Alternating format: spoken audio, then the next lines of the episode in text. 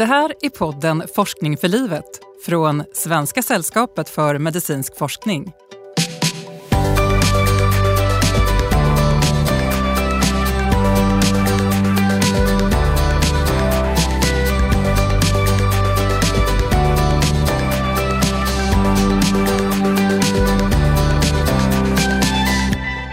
En av fyra drabbas av förmaksflimmer. Ja, flera studier visar faktiskt på den dystra statistiken. Forskaren Linda Johnson vill ändra på det och vi ska få höra om hennes vetenskapliga projekt. Om hur flimmer ska kunna förebyggas och hindras och därmed rädda liv. Jag som leder podden heter Anna-Karin Andersson och är marknads och kommunikationsansvarig på Svenska sällskapet för medicinsk forskning. Och jag hälsar dig som lyssnar varmt välkommen. Och varmt välkommen säger jag till dig, Linda Johnson. Tackar, tackar. Du är gift med en kanadensare, så därav det engelska uttalet på ditt efternamn, eller hur? Det stämmer. Du forskar om förmaksflimmer med finansiering från Svenska sällskapet för medicinsk forskning, SSMF. Eh, vad var det som fick dig att intressera dig för just det här med flimmer? Eh, jo, men om man ska berätta sanningen. Det så, tycker jag. Inga Då var det så att eh, när jag var medicinekandidat så gick jag på eh, kardiologen och då träffade jag en eh, läkare där som, eh, han hette Tor Julin och jag tyckte han var så himla bra. Och man vill ju alltid få jobba med bra personer så då frågade jag honom om jag kunde få skriva mitt examensarbete för honom. Och han sa ja. Och så sa han, du kan skriva om förmaksflimmer. Nej, tänkte jag. Det är som är så tråkigt. Eh, men Sen så gjorde jag det ändå för att jag ville ju gärna forska med tord just. Och eh, så upptäckte jag att det var ju inte det minsta tråkigt, det var ju väldigt, väldigt spännande. Men vad var det som väckte den där känslan av ett, ett, ett första nej? Jo, men eh, det var väl känslan av att det inte var så mycket som man kunde göra. Eh, så det var helt enkelt naivt. Jag borde förstått att börjar man gräva här så kan man gräva länge. Men det gjorde jag inte som medicinarkandidat. Men sen dess så har jag i alla fall stått kvar där och grävt. Och vi ska få höra mer om dina spadtag inom det här fältet i det här avsnittet. Och inte bara du, Linda, utan många tycks vara intresserade av det här med förmaksflimmer. När vi lyfte fram dig och din forskning på SSMFs Facebook-sida var det en riktig klickraket. Varför är många så nyfikna på att veta mer om flimmer, tror du? Det är väl svårt att, svårt att veta vad andra tänker men det är många som drabbas. Många känner ju någon som har fått förmaksflimmer och har sett det på nära hand och det är klart att en sån sak eh, kan ju engagera. Att man är själv berörd? Ja, eller någon som man älskar är berörd. Och sen så kan ju konsekvenserna vara rätt så, ja men faktiskt hemska. Att drabbas av ett svårt slaganfall eller stroke, det, det är ju en tragedi. Som kan vara följden av förmaksflimmer. Vi ska komma in på det och Precis. vi ska prata mer om ditt vetenskapliga projekt. Men jag tänkte just att vi skulle inleda med lite bakgrund eh, till det här.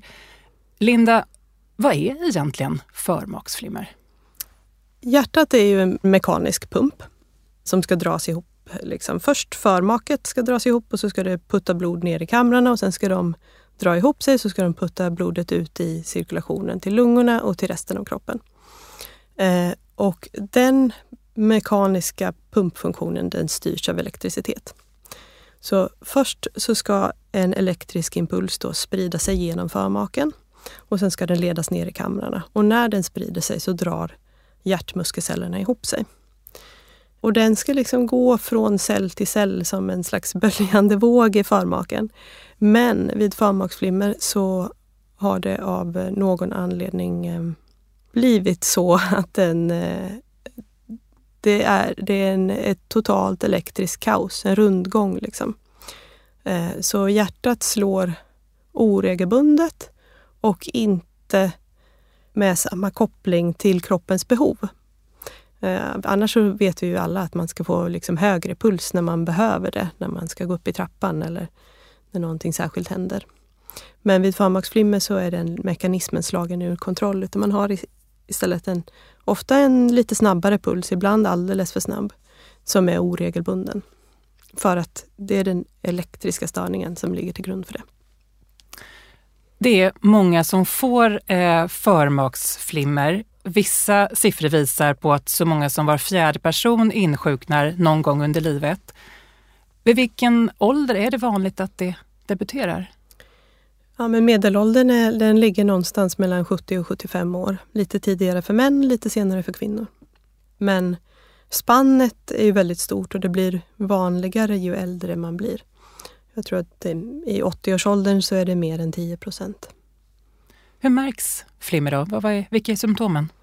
Det kan vara allt från inga alls till att man, man är plågad av palpitationer och känsla av andnöd och svårighet att få orken att räcka till.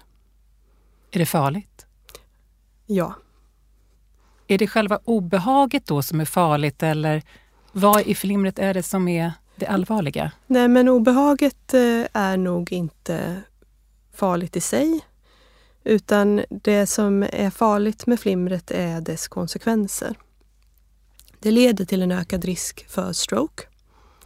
Det leder också till en ökad risk att drabbas av hjärtsvikt, som ju också är en allvarlig sjukdom. Och sen så ser man också en oberoende koppling till, till dödlighet och demens framför allt. När man hör det här med att det är vanligt att ha flimmer och att det är allvarligt att ha det och att man kan ha det utan att det märks så kan man bli orolig och vilja kolla upp hur det ligger till. Men det är inte helt lätt att ta reda på eh, om man har flimmer. Linda, du är läkare i hjärt och lungdiagnostik. Varför kan det vara knepigt att ställa diagnosen förmaksflimmer? Jo, men ofta så har man det inte hela tiden. I alla fall inte till en början. Och det är en diagnos som ska ställas med EKG, alltså en registrering av hjärtats eh, elektriska aktivitet. Och då måste man liksom fånga den rytmen. Så antingen gör man det genom att man, om man känner en oregelbunden puls, så kan man uppsöka någon vårdinrättning där de kan ta ett EKG. Eller så kan man också koppla EKG som man har på sig över längre tidsperioder. Och då kan man fånga de här men det är det som gör det svårt. Jag kan inte bara gå någonstans och mäta med ett EKG för stunden, för just då kanske det visar på att det är ett normalt värde, men att den här oregelbunden... Precis, att man, har, att, man har, att man har eh, gjort ett EKG som är normalt, det betyder inte att man inte har förmaksflimmer någon annan gång. Eh, och det kan ju såklart vara ångestskapande. Liksom, att, även för, för vårdpersonal, att det är svårt att utesluta det. Mm. Och det här sätter ju fingret på varför din forskning fyller en så viktig funktion. För Linda, du söker svaret på vad det är som gör att man får flimmer och framför allt vad vi skulle kunna göra för att slippa få det.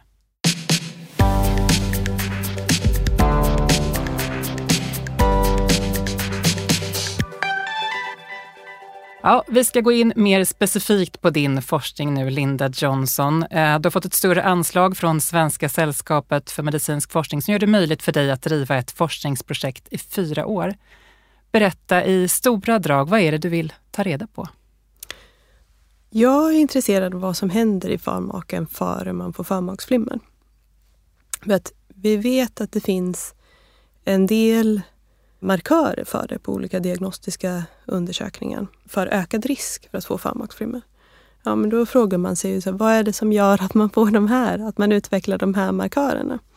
Att de som vi kan se att de har en ökad risk, det är ju de man skulle vilja kunna påverka. Det är de man skulle vilja få, man vill ju få det här att gå tillbaka innan man utvecklar förmaksflimret. Så jag är intresserad av just det som hände före och vad det är som har orsakat det i stora drag. Och vi pratade om att det var svårt att ställa diagnosen förmaksflimmer. Det här låter som en riktig utmaning att hitta tecken redan innan. Hur, hur tänker du? Jo, men vi har en ganska bra bild av en del saker som vi vet är, orsakar en ökad risk att få förmaksflimmer. Och en av dem är att man har extra slag som kommer ifrån fel ställe av förmaket. De individerna som har många sådana de har en större risk att få förmaksflimmer om man följer dem över tid. Då undrar man ju vad är det som gör att man får de här extra slagen? Och vad skulle de individerna som har extra slag behöva göra för att minska på dem? Eh, samma sak med förstorade förmak. Vi vet att om förmaken är stora, då har man en ökad risk att få förmaksflimmer. Men vad är det då som gör att de blir stora? När vi talades vid tidigare så sa du skämtsamt att du är lite lat av naturen. Och om du lyckas hitta svaren eh, på det du nu söker så skulle du ju inte behöva jobba. Ligger det någonting, någon sanning i det du sa? Eh, jo, men jag tycker nog ändå att jag är lite lat av naturen. Men jag jobbar ju ändå väldigt mycket. Det har mer att göra med att jag försöker ju alltid effektivisera. Och det bästa vore ju då, om man är läkare, att det inte kom några patienter. Också bättre för patienterna, eller hur? eh, så, så det är den radikala lösningen. Hålla folk friska. Då finns det mindre att göra. Men det är en bit kvar? En tills vi har nått eh, de svaren. Eh, men, men, och, och, vi vet att du är väldigt Sen finns det ju andra sjukdomar. det finns andra sjukdomar också. Eh, du är knuten till institutionen för kliniska vetenskaper vid Lunds universitet och du undersöker som sagt vad som händer innan förmaksflimmer utvecklas. Ta reda på vad det är som leder fram till det. Du var inne på, på tecknen, men vad är det som gör de här förstadierna så, så intressanta för dig och din forskning? Jo, men jag snöade in på det här under mitt avhandlingsarbete. Då, nu blir det kanske lite väl tekniskt då, men jag är epidemiolog och då kardiovaskulär epidemiolog och då tittar man på riskfaktorer för olika saker. Och de olika riskfaktorerna de brukar påverkas av varandra så att man behöver liksom hantera att de olika faktorerna är beroende av varandra statistiskt.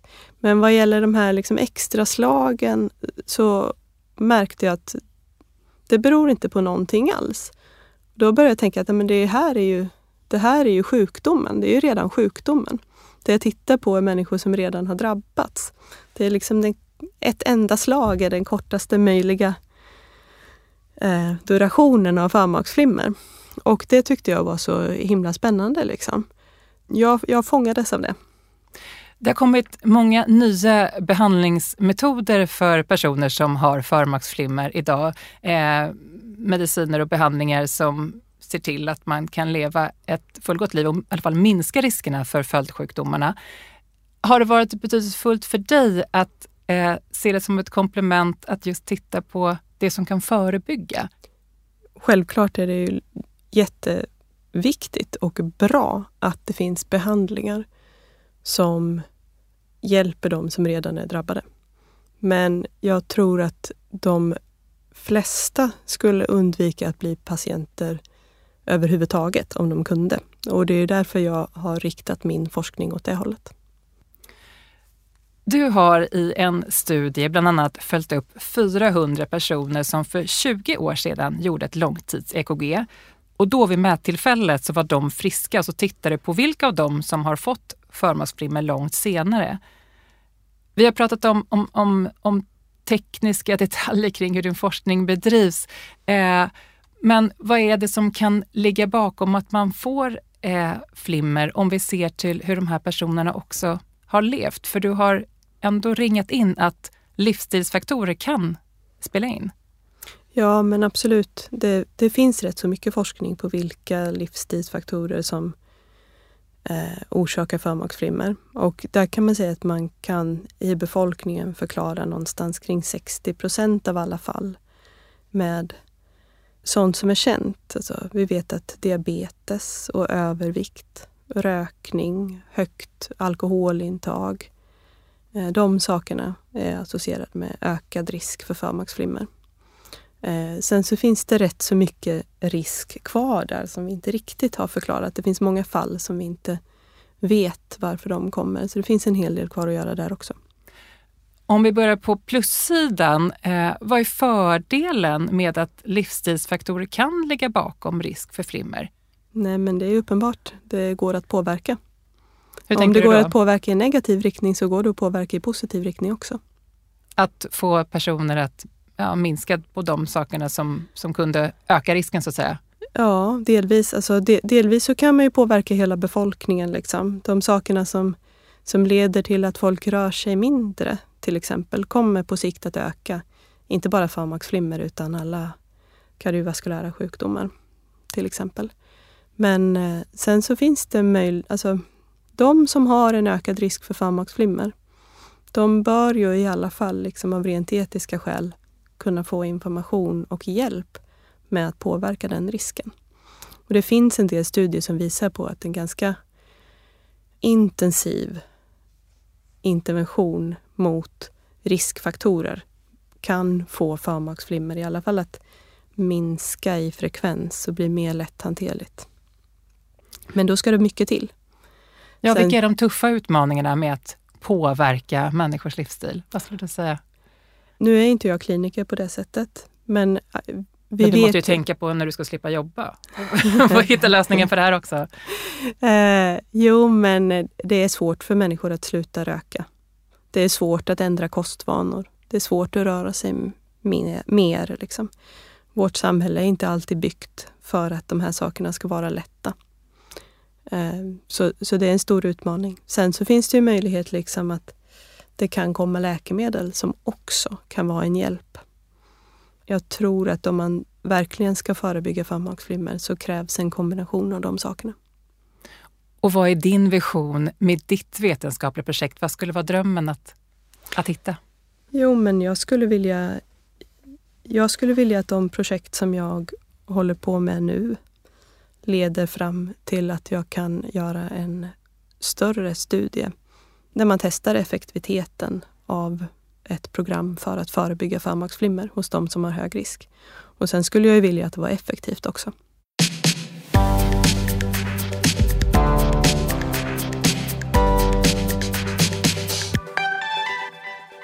Mm, Linda Johnson, eh, du har forskningsfinansiering från Svenska sällskapet för medicinsk forskning. Det har gett en möjlighet för dig att driva ett projekt eh, i fyra år. Vad betyder det här finansiella stödet för dig och din forskning? Jo, men det som du precis sa om fyra år, det är precis det som är så viktigt. Att har man en längre tidsperiod när man vet att man kan hålla på med forskning, då kan man också tänka större. Annars så får man jobba liksom mer kortsiktigt. Så här, vad kan jag få färdigt på det här året som jag har finansiering för? Vad, liksom, vad måste jag göra för att få nästa anslag? Har man fyra år där man har arbetsro och kan jobba, då kan man tänka större. Och det betyder att man kan länka ihop flera projekt med varandra och jobba liksom mer utifrån en vision. Jag tror att det blir bättre jobb gjort också. Då. När är din forskning som roligast? Det är roligt att jobba tillsammans med folk, såklart. Men jag måste nog ändå erkänna att det, det roligaste är när man när man har kommit till den punkten att man har data färdiga att analysera och sitter där ensam framför datorn och får reda på hur det egentligen var. Om man är den enda i världen som vet det, då är det roligt. Ja, det låter häftigt, mäktigt. Ja, men det är roligt och ofta så är det någonting som man har jobbat på i flera år. Man tänker sig, jag vill få reda på hur det är med det här. Och så har man pratat med folk, sökt pengar, samlat data eller i alla fall fått någon annan att dela med sig av datan generöst. Och så, så har man äntligen fått allting på plats och så sitter man och så... Det ser säkert tråkigt ut för omvärlden men inne i mig är det då väldigt roligt. Vi inledde med att konstatera att det är många som får eh, förmaksflimmer. Så din forskning skulle ju onekligen kunna komma många till nytta. Hur långt bort är vi från din vision att vi skulle kunna hindra människor från att få flimmer? Jag är en hemsk tidsoptimist. Eh, så mitt hjärta vill säga fem år, men jag säger väl tio år. Eh, och även det är väl kanske en underskattning, för att det tar tid.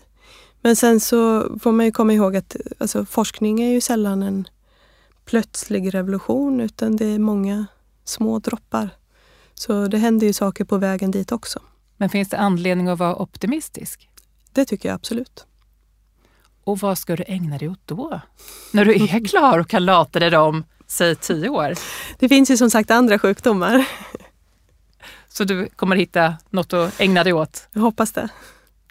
Tack så jättemycket Linda Johnson för din medverkan i podden Forskning för livet. Tackar, tackar för att jag fick vara med. Och tack säger även till dig som lyssnat. Hej för nu och på återhörande.